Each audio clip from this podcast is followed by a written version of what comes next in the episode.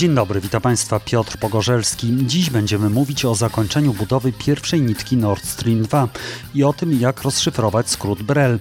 Moim gościem będzie też Irena Biernacka, Polka z Białorusi, która była więziona, a potem zmuszona do wyjazdu ze swojego kraju. Przyjrzymy się też byłej Jugosławii. Trybunał w Hadze podtrzymał bowiem wyrok dożywocia dla byłego dowódcy sił Serbów bośniackich, Radko Mladicia. Dziękuję Łukaszowi, Mateuszowi, Bartkowi oraz Michałowi i Rafałowi, którzy dołączyli dołączyli do moich subskrybentów, bądź też przedłużyli subskrypcję.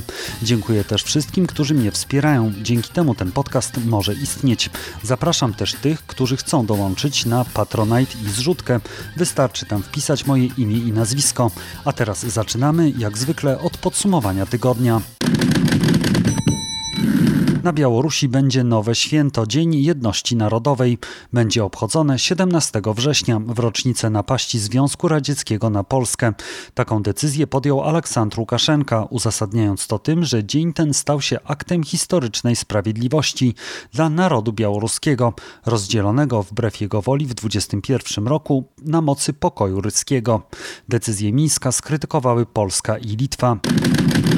Jak wynika z ustaleń holenderskiego dziennika The Volkskrant, działający na zlecenie rosyjskich służb specjalnych hakerzy włamali się 4 lata temu do systemu holenderskiej policji, która prowadziła wówczas śledztwo w sprawie zestrzelenia samolotu malezyjskich linii lotniczych nad wschodnią Ukrainą w 2014 roku.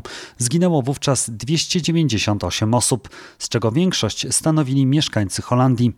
W Schiphol pod Amsterdamem rozpoczął się w tym tygodniu kolejny decydujący już etap procesu dotyczącego katastrofy. Śledczy chcą udowodnić, że maszyna została zestrzelona z wyrzutni Buk przywiezionej z Rosji i obsługiwanej przez separatystów. Moskiewski Sąd Miejski uznał powiązane z opozycjonistą Aleksiejem Nawalnym Fundację Walki z Korupcją, Fundację Ochrony Praw Obywateli oraz jego sztaby w regionach za organizacje ekstremistyczne. Zwróciła się o to prokuratura Moskwy, która przekonywała, że te struktury chcą stworzyć warunki do zmiany podstaw porządku konstytucyjnego. Decyzja sądu oznacza, że te instytucje mają zakaz rozpowszechniania wszelkich informacji, dokonywania operacji finansowych, organizowania zgromadzeń i uczestniczenia w wyborach. Decyzja o zakazie ich działalności wchodzi w życie natychmiast. Niemniej sztaby Nawalnego zakończyły działalność już wcześniej, w kwietniu. Na Ukrainie może powstać rejestr oligarchów. Z taką inicjatywą wystąpił prezydent Wołodymyr Zeleński. Wzorcowy oligarcha ma spełniać takie warunki: brać udział w życiu politycznym, mieć duży wpływ na media i być właścicielem przedsiębiorstw opozycji monopolistycznej. Po czwarte, musi mieć potwierdzoną wartość aktywów, która przewyższa milion razy minimum socjalne. Decyzja o uznaniu kogoś za oligarchę ma być podejmowana przez Radę Bezpieczeństwa Narodowego i Obrony. Osoba wniesiona na tę listę nie będzie mogła na przykład przykład finansować partii politycznych. Ukraina porozumiała się z UEFA co do wyglądu koszulek reprezentacji tego kraju na Euro 2020. Znajdujące się na wewnętrznej części koszulki hasło Bohaterom chwała, o którego usunięcie wnioskowała Rosja, ma zostać zakryte emblematem.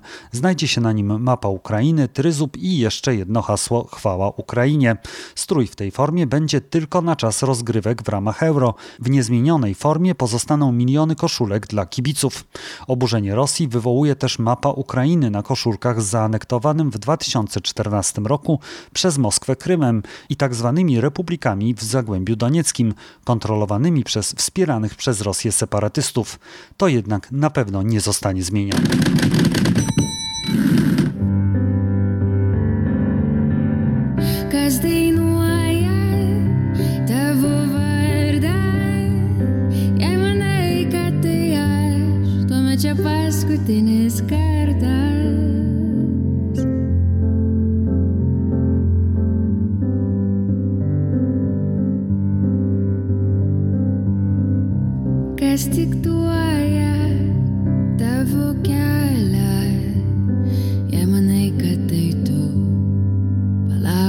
Aš nusijuoksiu.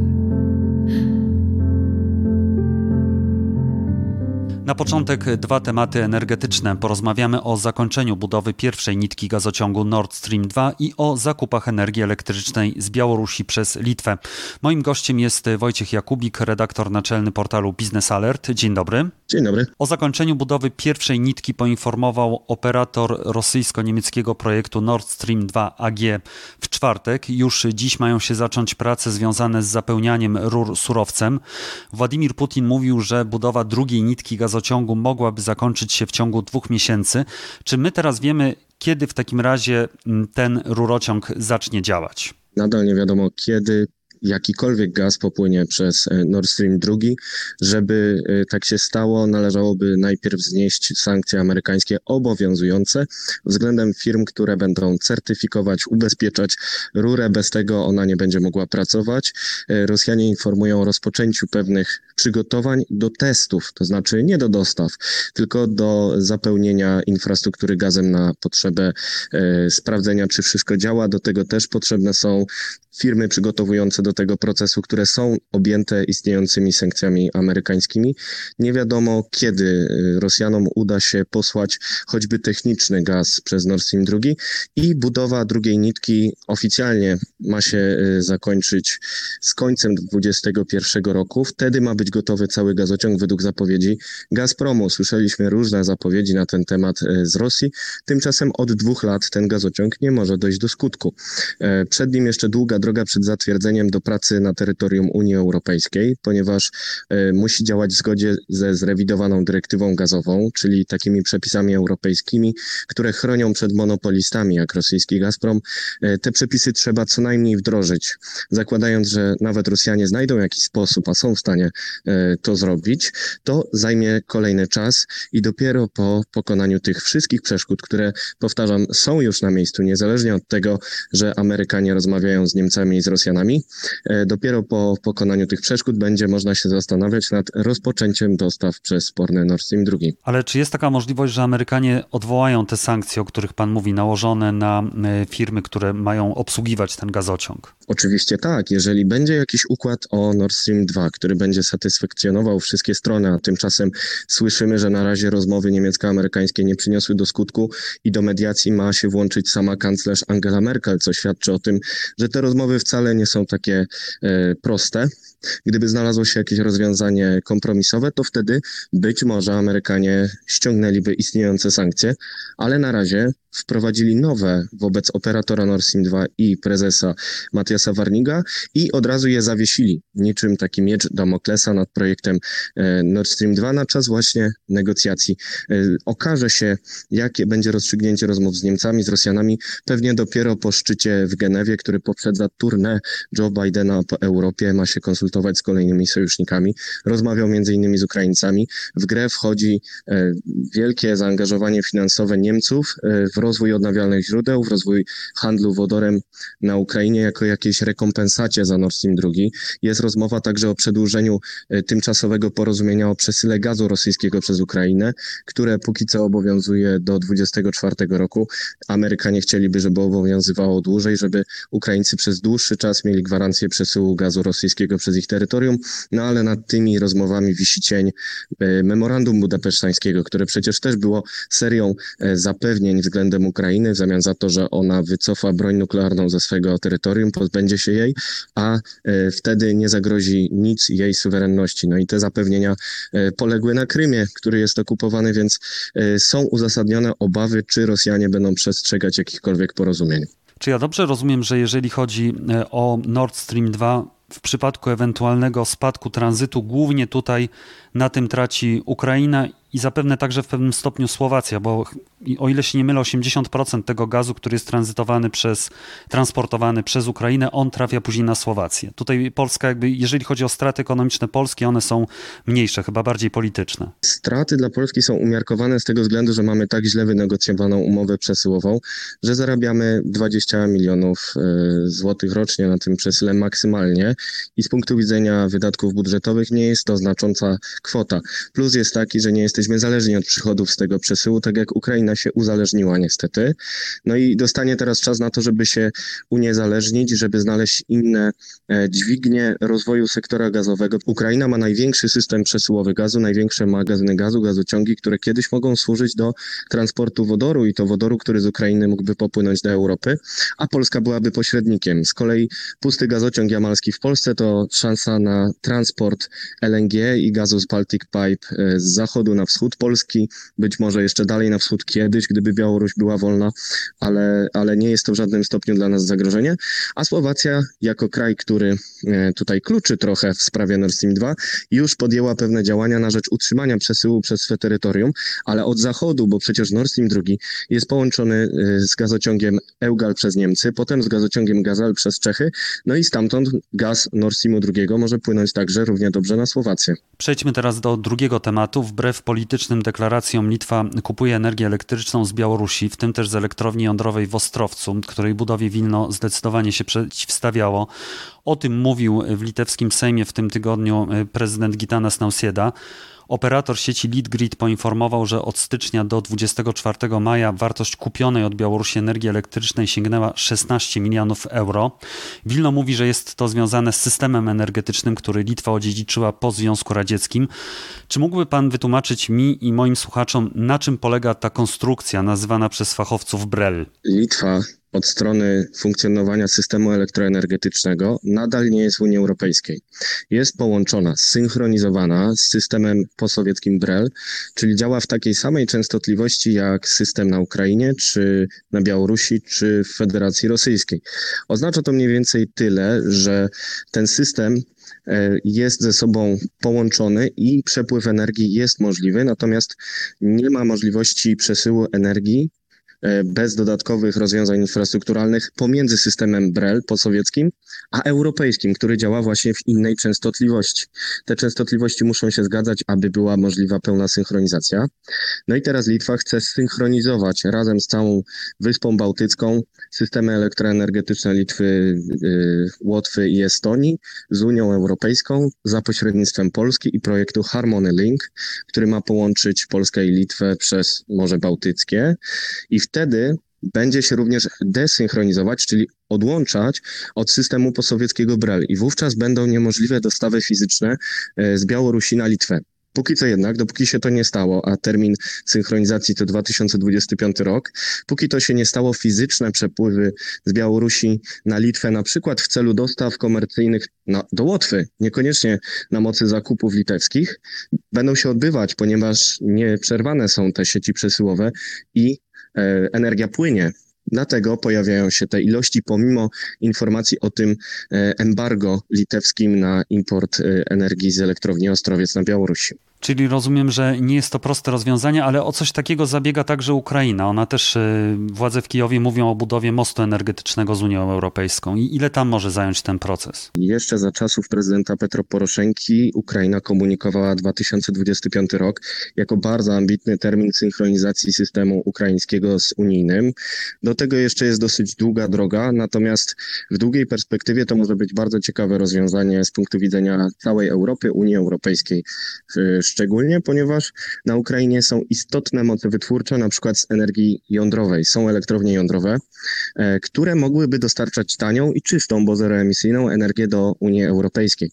To może być pewne wyzwanie dla Polski, która stawia przede wszystkim swoje moce, swoje elektrownie na pierwszym miejscu i e, chociaż mogłaby teraz sprowadzać jakąś energię z Ukrainy, która byłaby tania, to obawia się, że ta tania energia wypierałaby z rynku nasze elektrownie, które mają pierwszeństwo w obecnej polityce energetycznej Polski. Natomiast e, szerzej w kontekście europejskim jak najbardziej synchronizacja Ukrainy jako kraju członkowskiego wspólnoty energetycznej jest pożądana i będzie korzystna dla Unii Europejskiej jako całości.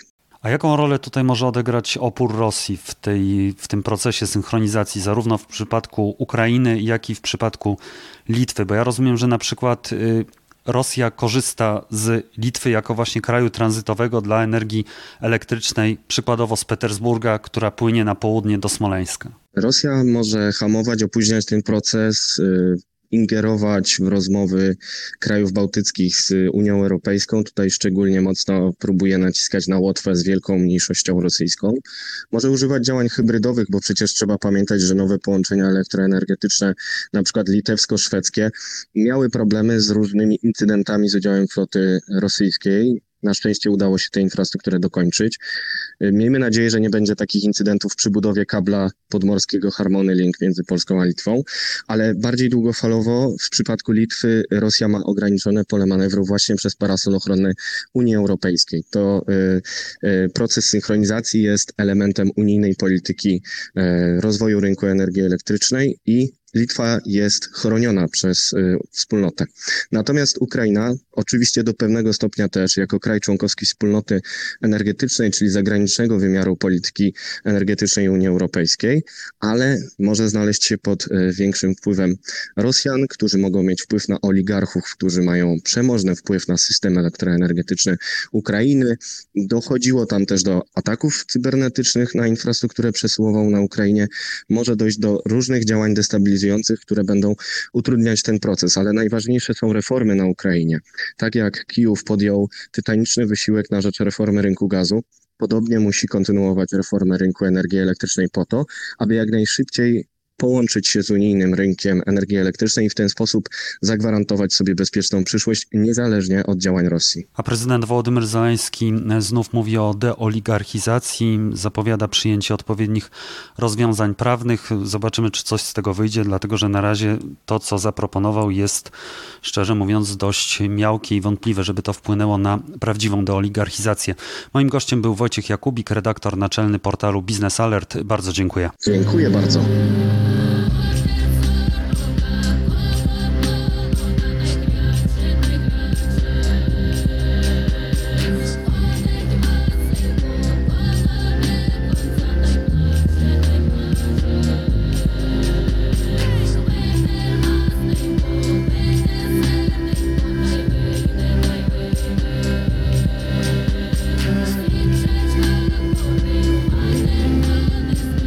Białoruskich aresztach nadal przebywa dwójka działaczy Związku Polaków na Białorusi. Jego prezes Angelika Borys oraz dziennikarz Andrzej Poczobut. 25 maja inne działaczki polskie Irena Biernacka, Maria Tiszkowska i Anna Paniszewa zostały zwolnione z aresztu, a następnie wywiezione z Białorusi do Polski. Moim gościem jest właśnie Irena Biernacka, członkini zarządu Głównego Związku Polaków na Białorusi i prezes oddziału tej organizacji w Lidzie. Dzień dobry. Dzień dobry. 25 marca została pani zatrzymana pod zarzutem rehabilitowania nazizmu i szerzenia nienawiści na tle narodowościowym.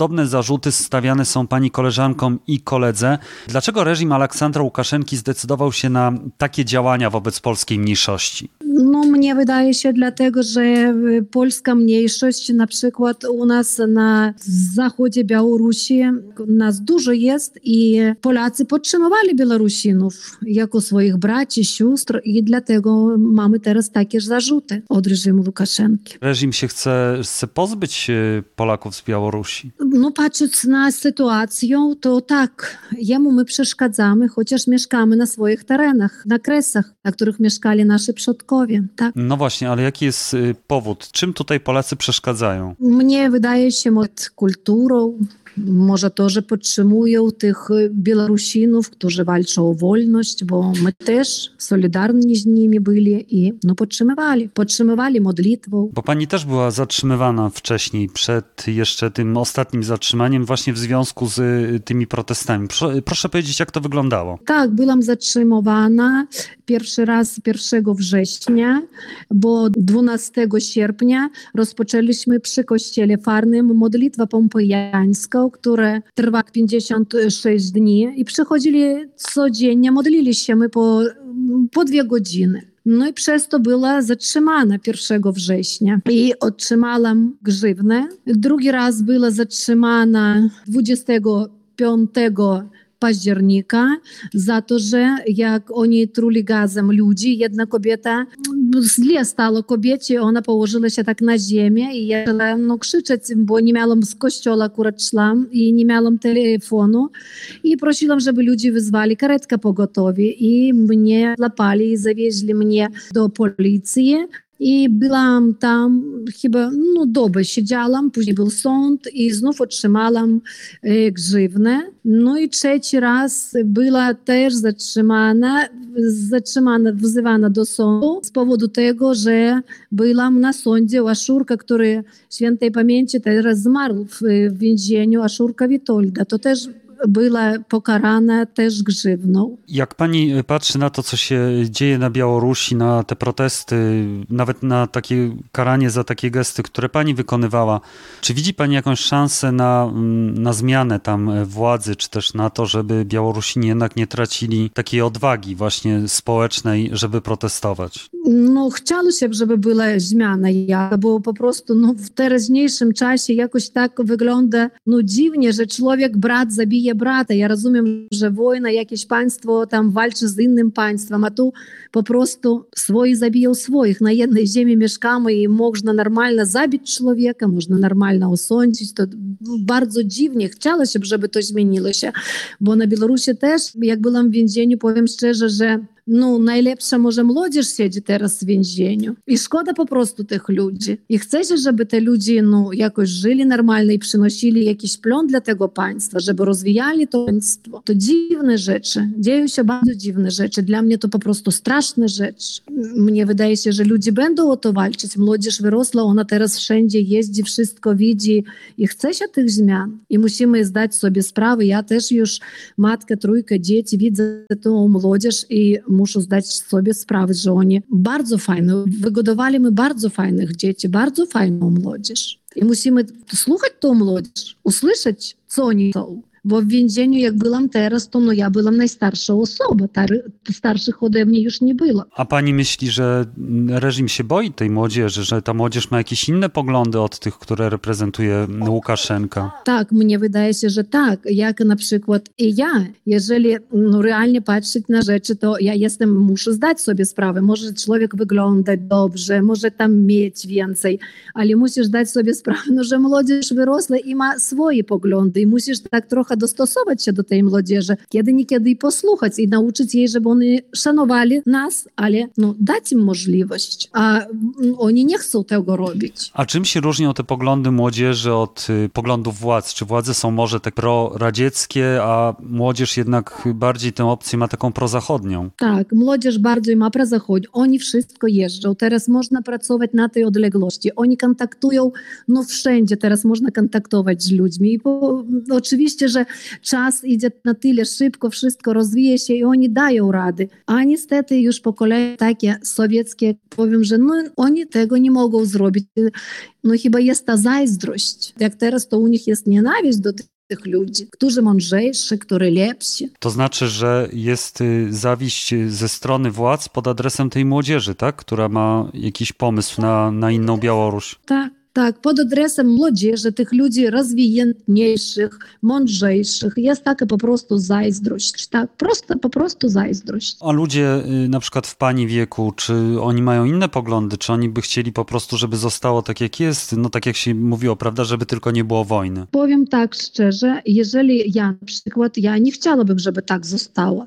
I większość ludzi, którzy w moim wieku też starają się rozwijać się, oni nie chcą bo oni też starają się rozwijać się i oni wtedy rozumieją, że trzeba, świat idzie do przodu i ty musisz razem ze światem. No teraz taki świat, że musimy między sobą no jakoś dialog jakiś rozmawiać, po prostu Teraz siła już nie daje nic siła. A ludzie, którzy nigdzie nie wyjeżdżają, dostają mało może tej wypłaty, oni tak siedzą po prostu, ich nic nie interesuje, może im i dobrze jest. Pani mówiła o tych osobach, które siedziały z panią w celi, które pani spotkała w więzieniu. Może pani powiedzieć trochę więcej, kim były te osoby, czym oni się zajmowali? Rozumiem, że to byli młodzi ludzie, którzy zapewne z powodów politycznych też tam trafili. Pierwsza cela, w której ja byłam, to byli dziewczyny. Dziewczyny każda ma wyższe wykształcenie. I bardzo takie, powiem, kreatywne, bardzo rozumne, bardzo mądre. No, ja powiem szczerze, no może najlepsza młodzież. Ja spotkałam, ja mówię, że ja dziękowałam Panu Bogu, że ja spotkałam tą młodzież, że zobaczyłam tą młodzież. Później druga moja cela też była i znów była jedna osoba polityczna, skończyła uniwersytet białoruskie i też ona pracuje na odległości, prowadzi swoją firmę. Jej narzeczony też prowadzi firmę, firmy takie międzynarodowe. No ludzie, którzy już nowocześnie pracują. Także najlepsza młodzież teraz siedzi w więzieniu, powiem szczerze. A jeśli ci ludzie wyjadą, czy też zostaną zmuszeni do wyjazdu, to kto w takim razie zostanie na Białorusi? Jak to będzie możliwe, żeby tam budować jakieś państwo? Mm, ja nie wiem, czy tam można będzie zbudować, no będzie nie państwo budować, a kolchozy. Takie kolchozy, jakie byli. Będą kolchozy, bo najlepsza młodzież, jeżeli nic nie zmieni się, ona oczywiście, że wyjedzie. Po prostu y, tak, teraz ludzie już zmęczeni z tego wszystkiego i nic dziwnego, że ludzie będą wyjeżdżać. A chciało się, żeby tam też coś zmieniło się. A tak będzie kolchos, kolchos, pijaństwo, kolchos, więcej nic nie będzie. A czy ta sytuacja pogorszyła się także pod względem ekonomicznym od sierpnia zeszłego roku? Czy według Pani tutaj nie ma jakichś takich większych zmian, że te jakby protesty mają raczej podłoże takie związane z dążeniem do wolności, a nie z polepszeniem sytuacji gospodarczej? Jeżeli człowiek jest wolny, jeżeli człowiek ma, jest rozwinięty, to oczywiście od wolności człowiek wtedy ma możliwość, prawda, pokazać swój talent,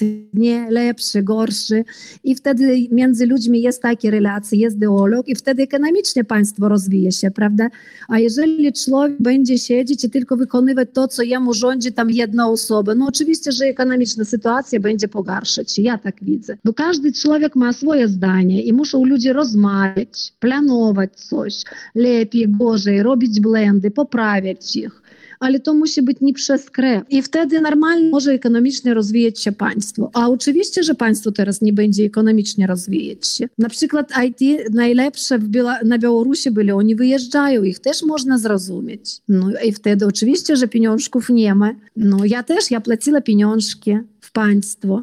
Córka lekarzem moja też pracowała, starała się, jak uczyła się, żeby rozwijać się. Druga córka też.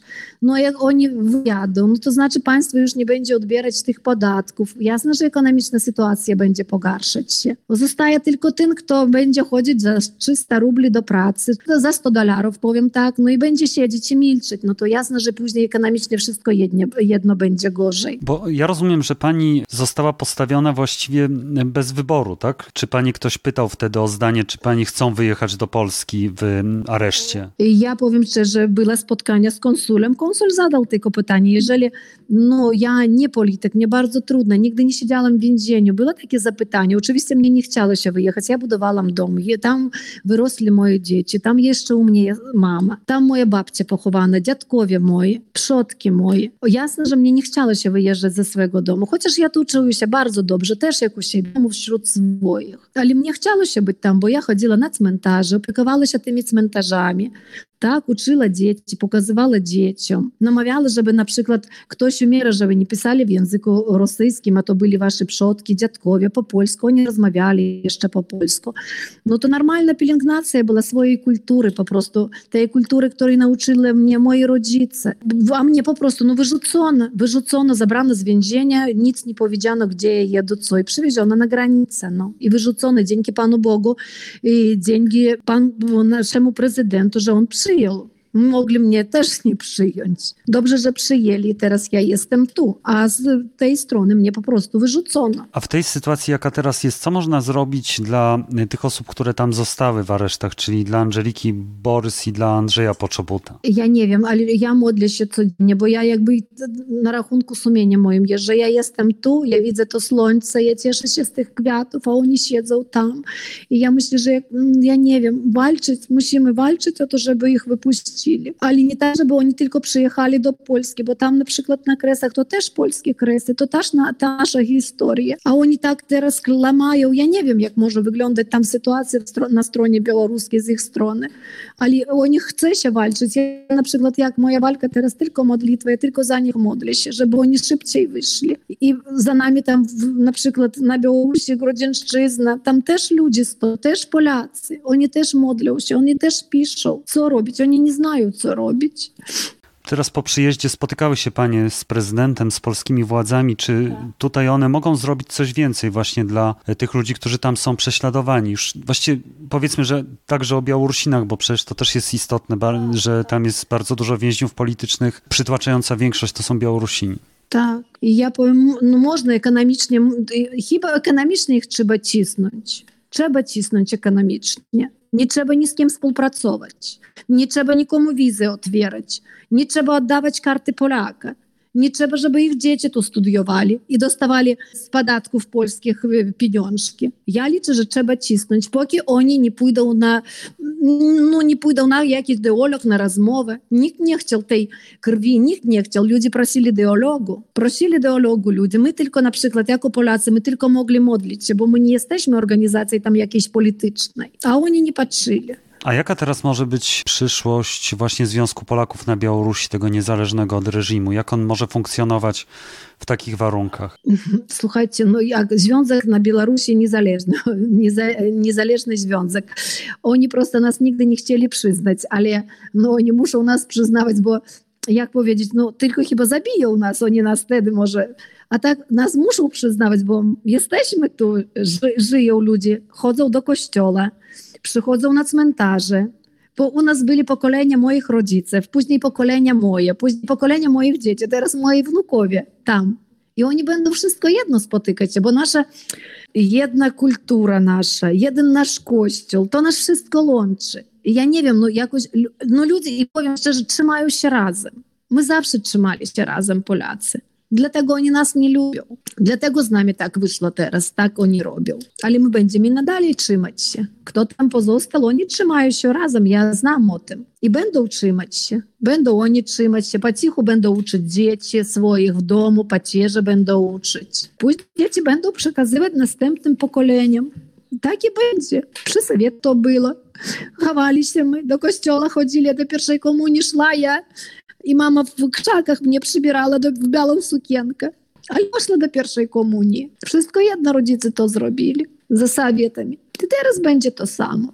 No, może troszkę nawet, ja myślę, że lżej będzie. No teraz otwarty świat, ja nie wiem. No ale to też może się zmienić, jeżeli dojdzie do zmiany władzy, prawda? Wtedy ta sytuacja chyba wróci do normy. A władza jak zmieni się, ja myślę, że u nas nigdy nie było nijakich problemów. Moje dzieci chodzili jeszcze jak 90 lata.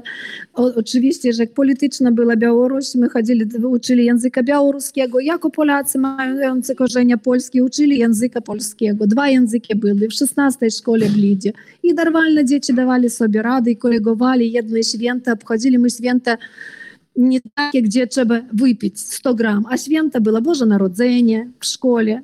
Przychodził ksiądz, błogosławił. I ja myślę, że jak władza zmieni się, będzie to samo. Będziemy mieli między sobą porozumienie, bo to nasza wspólna historia. Miejmy nadzieję, że ta sytuacja bardzo trudna jakoś się skończy. Bardzo trudna, bardzo Moim trudna. gościem była Irena Biernacka, członkini Zarządu Głównego Związku Polaków na Białorusi i prezes oddziału ZPB w Lidzie. Bardzo Pani dziękuję. Dziękuję również, dziękuję bardzo. Jeden dan, jeden dan, samo jeden dan. Boże daj nam już jeden dan. Tu jedną noc, jedną noc, samo jedną noc. Boże daj nam już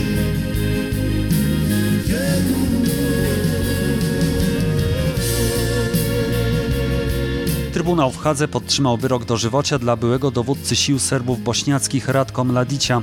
Co oznacza ta decyzja? O tym porozmawiam z Adamem Balcerem z Kolegium Europy Wschodniej. Dzień dobry. Dzień dobry. Radko Mladic został schwytany w 2011 roku. Po 16 latach ukrywania się w 2017 roku został skazany przez Międzynarodowy Trybunał Karny dla byłej Jugosławii w Hadze na karę dożywotniego więzienia za ludobójstwo, zbrodnie wojenne i zbrodnie przeciw ludzkości. On się miał ich dopuścić podczas wojny w Bośni i Hercegowinie w latach 1992-95 co dokładnie miał y, zrobić Mladic, to znaczy jakie konkretnie zbrodnie wskazywał Trybunał? Mladic był dowódcą Armii Republiki Syrbskiej. To była armia, dzisiaj mamy w Bośni dwa tak zwane entitety, czyli takie jednostki państwa, które jest federacją. Jedno nazywa się Republika Syrbska, Republika Serbska, a drugie nazywa się Federacja BiH, tak, Bośni i Hercegowiny, gdzie mieszkają przede wszystkim e, Bośniacy i Chorwaci, natomiast w Republice Serbskiej w zdecydowanej większości Serbowie. I to państwo powstało w 1992 roku, ogłosiło niepodległość i wtedy zaczęła się wojna e, w Bośni.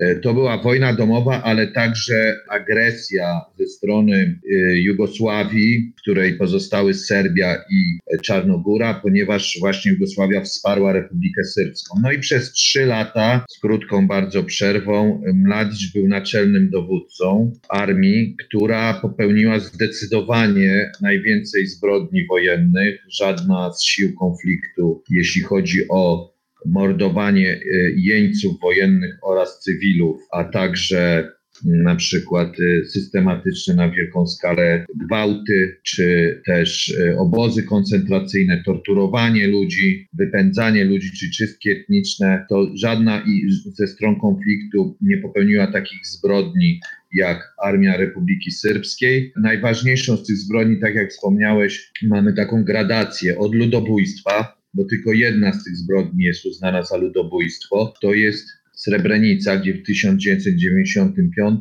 w lipcu po zdobyciu miasta zostało w sposób planowy w wyniku egzekucji, wcześniej wielu z nich było torturowanych, zamordowanych. 8 tysięcy, blisko 400 bośniaków, od kilkunastoletnich chłopców do dziadków, przede wszystkim cywilów i też jeńców wojennych. To jest ludobójstwo i za e, oczywiście Mladić był w Srebrenicy, nadzorował operację, mamy zdjęcia, tak, mamy też e, nagrania. I to jest ta najważniejsza zbrodnia, a potem mamy kolejne zbrodnie, czyli zbrodnie przeciw ludzkości, zbrodnie wojenne, więc materiał dowodowy, jeśli zgromadzimy wszystkie, tak, te wszystkie zbrodnie, no to bezdyskusyjnie nie można być zaskoczonym, że został Mladic skazany na y, dożywocie i że sąd apelacyjny y, potwierdził ten werdykt. Jak Serbowie przyjęli tę decyzję o tym, że to odwołanie zostało odrzucone, ta apelacja? Dlatego, że no, czytałem parę reakcji i na przykład y, minister spraw wewnętrznych Aleksander Wulin powiedział, że to był nie wyrok, a był to po prostu odwet. Czyli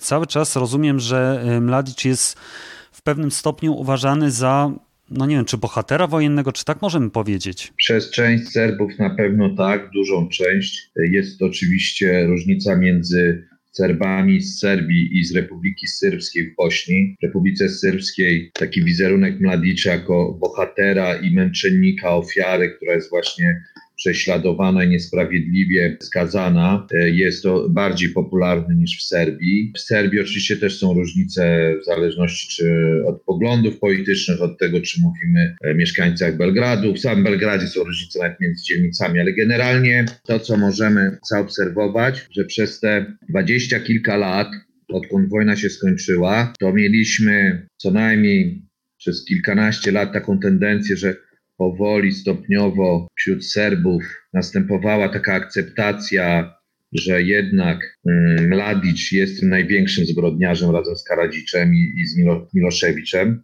Natomiast y, no, od co najmniej znowu ponad, byśmy pewnie powiedzieli, mm, około 10 lat mamy tendencję odwrotną. Generalnie y, to jest też związane z polityką, ponieważ w przypadku Republiki Syrbskiej w Bośni elity polityczne tego kraju mają taką politykę tożsamości historyczną, że co najmniej relatywizują zbrodnie Mladicza, cały czas podkreślając, że inni też popełniali zbrodnie, tak jak powiedziałem, no oczywiście podczas tego konfliktu wszyscy popełniali zbrodnie, ale chodzi o skalę. Jak porównamy, no to jest e, szczególnie pomiędzy Bośniakami a Serbami, no to mamy przepaść, jeśli chodzi o liczbę e, zbrodni, liczbę zamordowanych osób. E, też jak porównamy konflikt między Bośniakami i Chorwatami, w Bośni. Największe zbrodnie, jakie wzajemnie na sobie popełnili Bośniacy i Chorwaci, to są rzędu trochę więcej niż 100 osób zabitych w jednej wiosce. A tutaj mówimy o ludobójstwie na 8 e, tysiącach, prawie 400 osobach.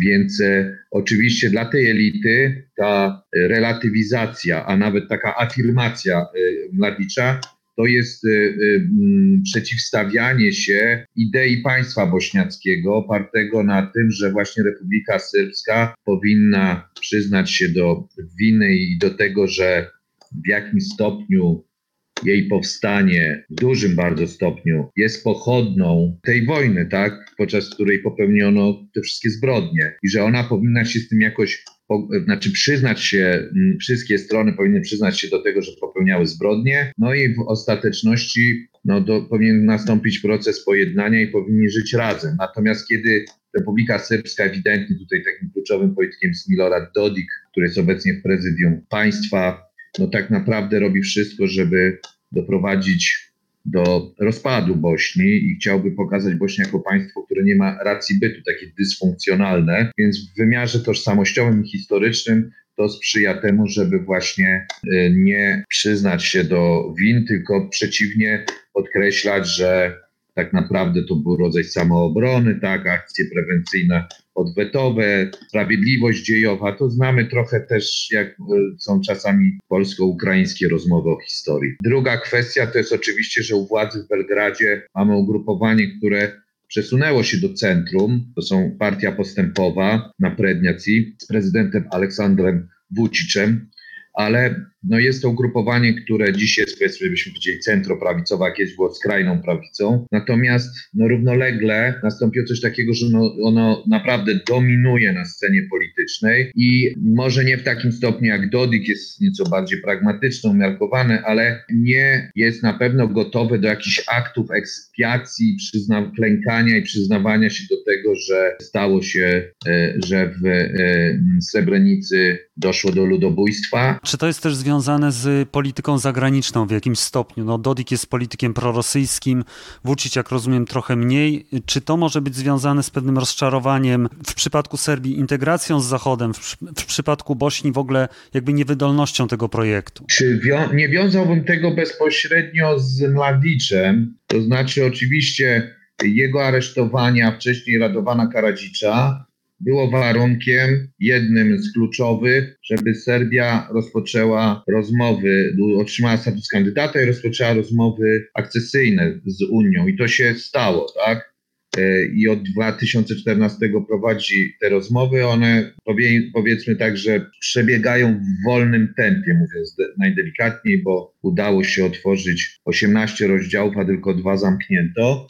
No i oczywiście to, co powiedziałem, ta tende te tendencje i w Republice Syrbskiej, i e, w Serbii dedemokratyzacji, odchodzenia od demokracji. To, że te kraje stały się, na przykład Serbia niedawno została zasadnie relegowana przez Freedom House, oceniającą, amerykańską organizację oceniającą systemy polityczne na świecie, do krajów częściowo wolnych. Republikę Syrbską pewnie trzeba by na Bałkanach Zachodnich uznać za najmniej demokratyczny i taki najbardziej autorytarny kraj, tak?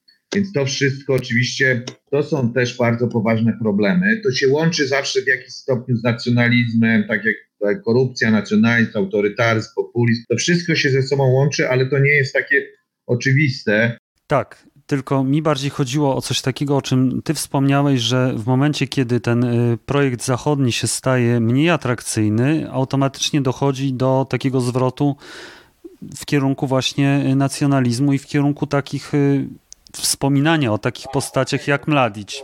E, tak, to prawda, tylko trzeba pamiętać o tym, że tak jak powiedziałem na początku, był pewien postęp w tym procesie pojednania, szczególnie jeśli chodzi o Serbię, a nie Republikę Syrbską w Bośni, ale on nie był jakiś radykalny, wielki, przełomowy i tak dalej. I w efekcie nie mamy czegoś takiego, że sytuacja była znakomita 10 lat temu, powiedzmy, i nagle się dramatycznie pogorszyła. Tak? Czyli mieliśmy coś takiego, że wcześniej było bardzo poważnym wyzwaniem te zaszłości historyczne, które się nie ograniczają do tej wojny, tylko też na przykład do II wojny światowej. Natomiast fakt, że ten proces integracji z Unią Europejską przeżywa na pewno kryzys, spowolnienie i tak dalej.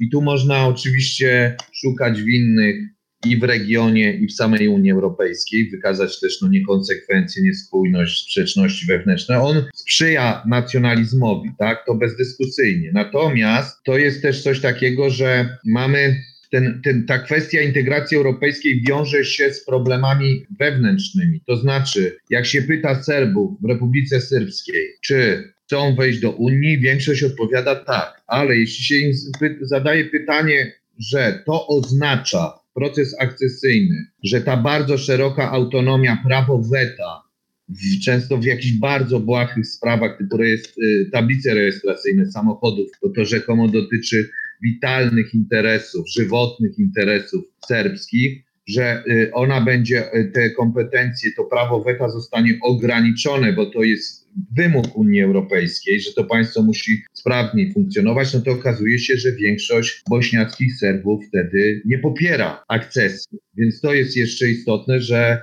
problemy są na miejscu. Generalnie e, Unia Europejska na pewno jest dla regionu i można powiedzieć nadzieją i długoterminową bardzo ważnym, potencjalnym, często niestety, bo przypomnijmy, że Bośnia jest krajem, który e, złożył wniosek o przyznanie statusu kandydata w 2016 roku i do dzisiaj go nie dostał. Minęło 5 lat ze względu na swoje problemy wewnętrzne.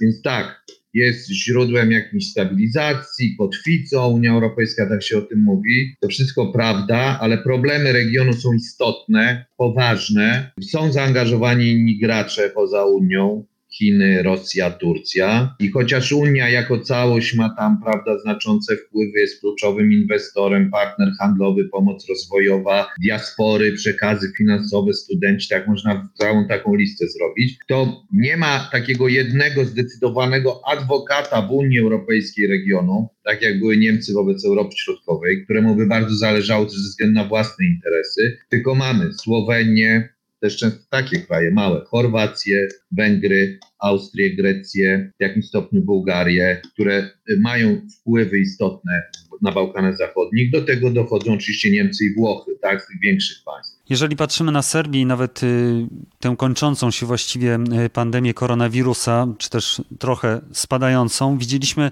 bardzo mocne zagrania Rosji, zagrania Chin. Jak wydaje się, Unia Europejska jest tutaj chyba w dość e, trudnej sytuacji, to, znaczy ma dużą konkurencję. Tak, tak jak powiedziałem wcześniej, oczywiście jak spojrzymy na te wszystkie dane statystyczne, to wypadamy bardzo dobrze. Natomiast problem polega na tym, że badania opinii publicznej pokazują, mm, że Serbowie w Serbii są ze wszystkich tych narodów, oczywiście już wspominałem, y, bośniacy Serbowie są szczególnym przypadkiem, że tak naprawdę można powiedzieć, że y, są e, nastawieni krytycznie do akcesji Bośni do Unii Europejskiej, bo wymagałoby to ograniczenia ich prawa weta. Natomiast nawet w Serbii jest tak, że jak są badania opinii publicznej, to mniej więcej, no trochę więcej niż połowa Serbów jest za, czasami prawie połowa, ale spora grupa jest przeciw i to jest ze wszystkich tych narodów taki um, eurosceptycyzm jest największy w Serbii. I to wiąże się oczywiście tutaj dziedzictwo wojen, e, bombardowań, bo to się też przekłada na bardzo negatywny stosunek do NATO. To jest wyjątkowy przypadek Serbia i bośniacy Serbowie, tak samo, że oba te kraje, jak widzimy, pozostali weszli do NATO, Y, bo Kosowo by bardzo chciało, ale nie jest uznane przez kilka państw. Natomiast y, i Serbowie, Bośniacy, Bośniacy którzy blokują Bośnię i jej akcesję do NATO, i Serbia nie są zainteresowane. To nie było, nie ma takiego przypadku od Estonii w dół, jeśli chodzi o właśnie te kraje Europy Środkowo-Wschodniej. To jest oczywiście coś, co Rosję cieszy i Rosja ma rozwinięte relacje z Serbami, wykorzystując i gospodarkę, energetykę. Jest ten czynnik religijny, kulturowy, tak, związki między cerkwiami, język słowiański, języki słowiańskie i tak dalej. No i oczywiście propaganda rosyjska, która wyolbrzymia znaczenie Rosji, a dyskredytuje Unię Europejską, która działa na część co najmniej Serbów i do tego na wielką skalę weszły też Chiny w ostatnich latach w najróżniejszych sektorach no i mamy oczywiście to coś takiego, że te elity polityczne, widząc, że te relacje z Unią Europejską, gdzie jest zasada warunkowości, tak i marchewka i tak dalej, one często są na zasadzie, że jest więcej kija niż marchewki i ten kij jest też stosowany niekonsekwentnie. No, same nie będąc, jak ci politycy, o których mówiliśmy, na przykład Vucic, no nie można powiedzieć, że to są ani krystaliczni demokraci, ani ludzie, którzy bardzo wierzą w wartości europejskie no to wiadomo, że w tym momencie ta Chiny, które tutaj w kontekście COVID-u, prawda, szczepionki, maseczki i tak dalej, sprzęt medyczny, no to no, zostały przedstawione przez samą elitę serbską jako wspaniały kraj, wielki przyjaciel, sojusznik, całowanie flagi, klękanie i tak dalej przez e, prezydenta. Więc to jest to wszystko, pokazuje, że chociaż twarde takie liczby, handel, inwestycje, to jesteśmy mocni, mówię o Unii Europejskiej, no to niestety Serbia, która jest na Bałkanach Zachodnich największym i najważniejszym państwem i Serbowie największym narodem, ta, i to ich e, poparcie dla członkostwa w Unii e, no, e, Europejskiej jest, byśmy powiedzieli, letnie. I może, jeśli Rosja i Chiny się bardzo postarają i też elita polityczna serbska by uznała, że trzeba odłożyć w ogóle ten proces akcesyjny ad kalendarz Greka, że to nigdy nie nastąpi, no to wtedy mamy ten problem, że e, to poparcie, że to nie będzie tylko kwestia e, jakiejś mniejszości, tylko nawet no, większość e, Serbów może uznać, że po prostu ten projekt nie ma sensu, że wiążą się z nim większe koszty niż korzyści. To jest na pewno bardzo poważne wyzwanie dla Unii Europejskiej. Należy pamiętać, że też Serbia leży w sąsiedztwie Węgier, które przecież też romansują z Chinami i Chińczycy także budują trasę e, Belgrad-Budapeszt. Adam Balcer, Kolegium Europy Wschodniej, bardzo dziękuję. Dziękuję bardzo.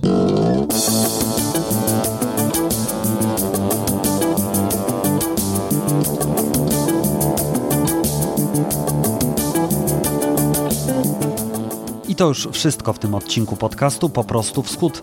Zachęcam do wspierania mojej inicjatywy na Patronite i Zrzutce, a także do zajrzenia na Spotify, gdzie cały czas aktualizuję playlistę z utworami z moich podcastów. Do usłyszenia za tydzień. Żegna się z Państwem Piotr Pogorzelski.